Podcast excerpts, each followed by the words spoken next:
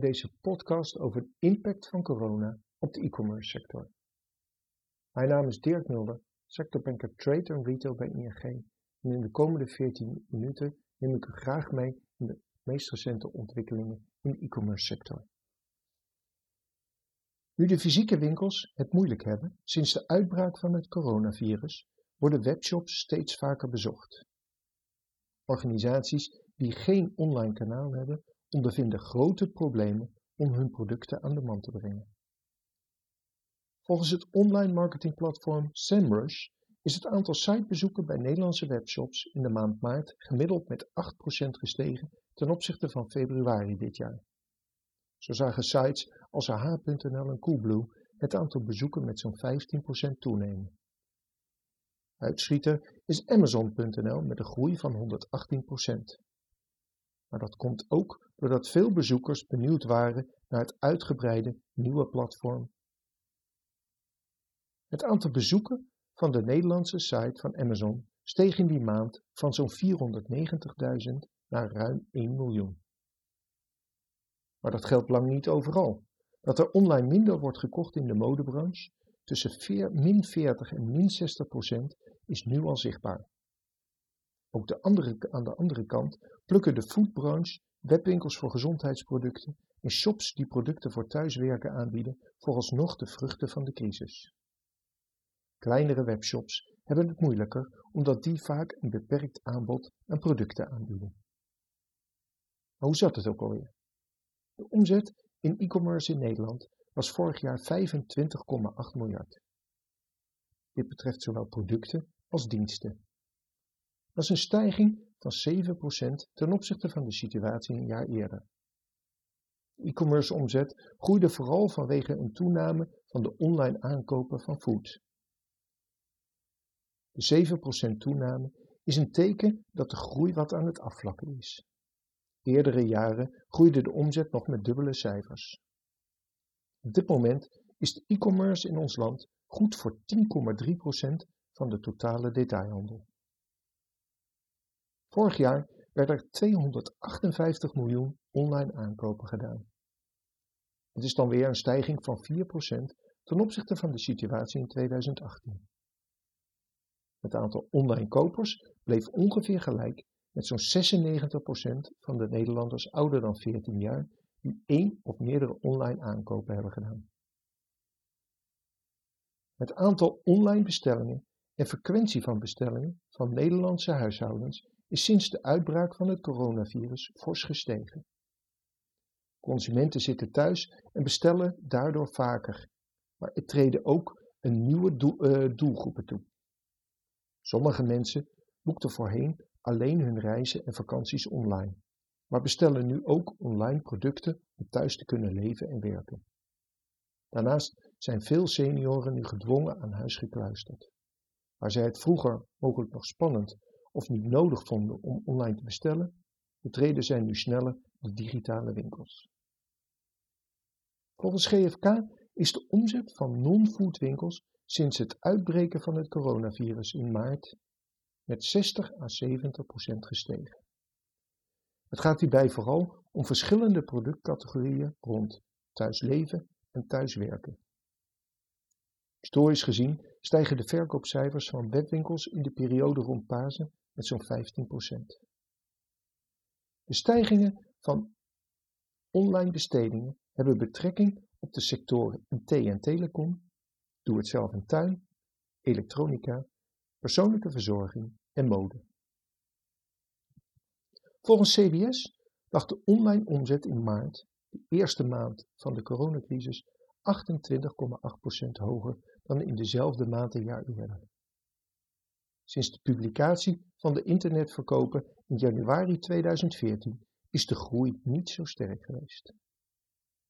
Pure webwinkels hebben 24% meer omgezet. De online omzet van winkels waarvan de verkoop via het internet een nevenactiviteit is, zeg maar de multichannelers, groeide met 35%.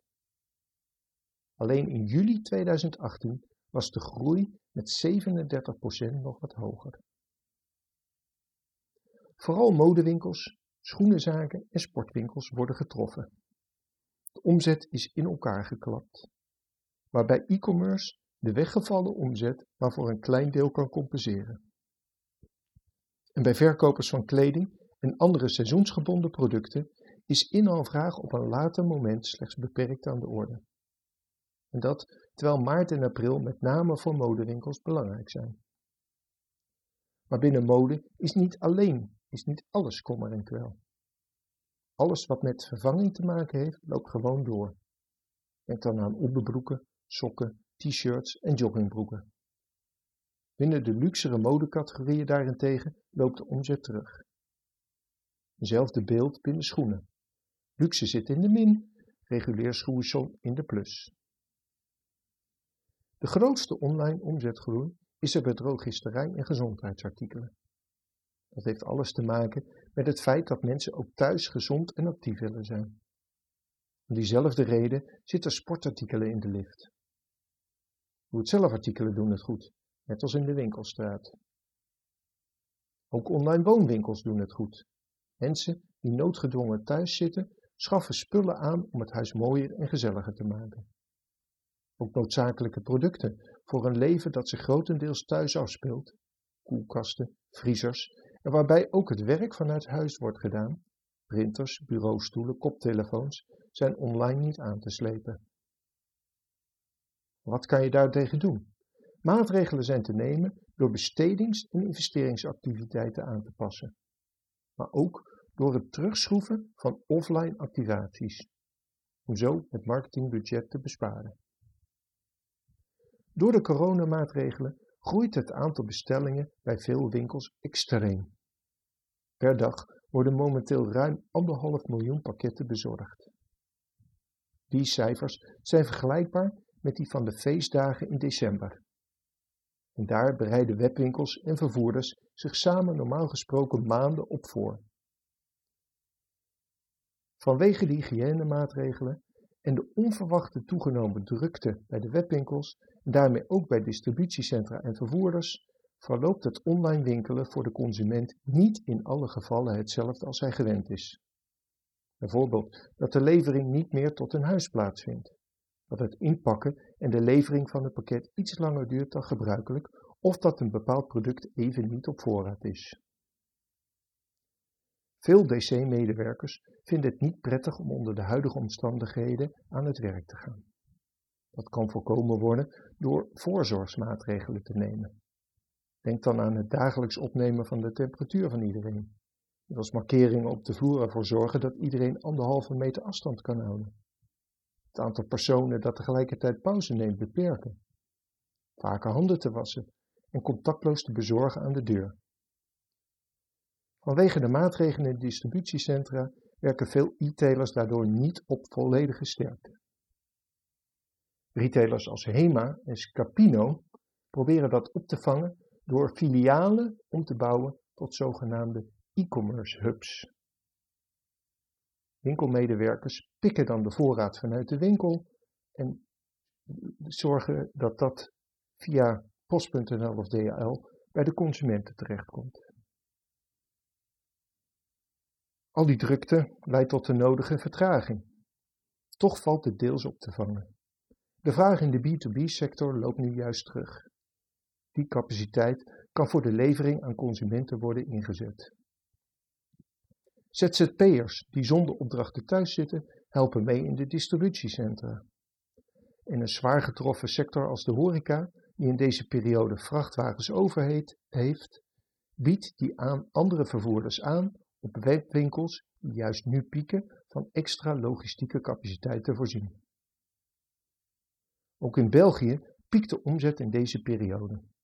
Hier zijn in tegenstelling tot Nederland alle niet-essentiële winkels dicht en zijn mensen nu aangewezen op e-commerce. Voorraden raken op en toelevering van producten is lastiger. Het duurt langer om producten die je inkoopt te ontvangen en er is een grote vraag naar veel van dezelfde producten. Hierdoor wordt het moeilijker om je voorraad op peil te houden. Voorraden raken op en daarnaast duurt het ook nog eens langer voor je inkopen arriveren, vanwege vertragingen in de bezorging van goederen uit het buitenland. Veel webshops kopen producten in vanuit het buitenland zoals uit China. Het is de vraag wanneer de productielanden weer geheel up and running zijn. De huidige tijd is ook zorgt ook voor een definitieve doorbraak van het online boodschappen doen. Delivery en pick-up points kunnen op korte termijn extra klanten winnen. Sommige consumenten proberen de supermarkt te mijden. maar mogelijk bestellen zij hun boodschappen. De uitbraak van het coronavirus en de bijbehorende maatregelen leidden tot de versnelde en definitieve doorbraak van het boodschappen doen via internet. Die doorbraak was al ingezet, maar deze crisis versnelt dat. De beperkende factor is de capaciteit, want delivery kan niet zomaar opschalen bij een piek als deze. Daarbij ligt de beperking in de groei van online, met name in de beschikbaarheid van de bezorgslots. De infrastructuur is er niet klaar voor. Er zijn niet voldoende auto's en chauffeurs om iedereen te bedienen. Heel veel mensen bestellen nu voor het eerst hun boodschappen via internet en ervaren dat gemak. Zij blijven dat ook in de toekomst dan doen.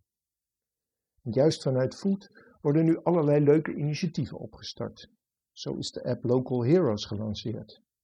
Die app maakt het mogelijk om bij 24 lokale ondernemers van de Tekatenmarkt en uit Oud-West producten online te bestellen. De boodschappen kunnen dezelfde dag nog gratis worden opgehaald bij een pick-up point in de buitenlicht of voor een klein bedrag worden thuisbezorgd. Ook in de horeca werden bezorgdiensten als dé oplossing gezien. Nadat de horeca gedwongen werd de deuren te sluiten, is men op zoek gegaan naar alternatieven om de keukens nog enigszins draaiende te houden. Maar een bezorgdienst blijkt niet voor alle restaurants het juiste antwoord op de coronacrisis. Zij zagen dat na, de, uh, na het sluiting van de horeca in veel gevallen als reddingsboom. Maar nu stoppen de eerste restaurateurs alweer. Ze zijn bang dat, zo, dat ze zo via het virus verder verspreiden en ze betwijfelen ook of de kosten opwegen tegen de baten.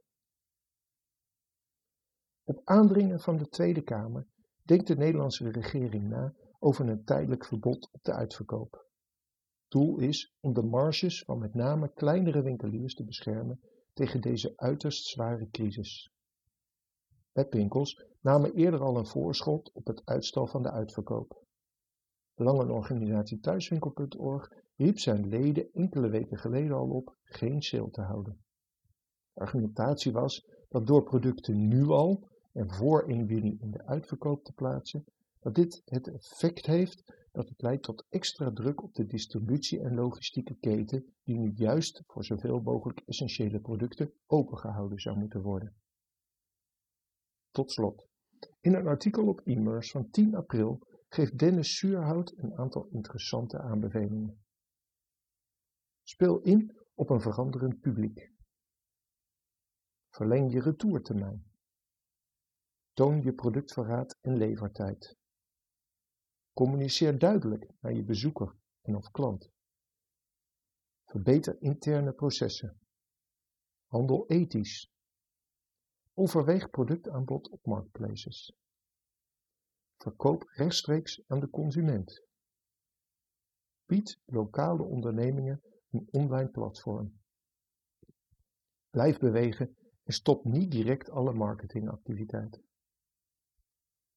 Voor meer, informatie verwijs ik u naar ing.nl, de site van Trade and Retail.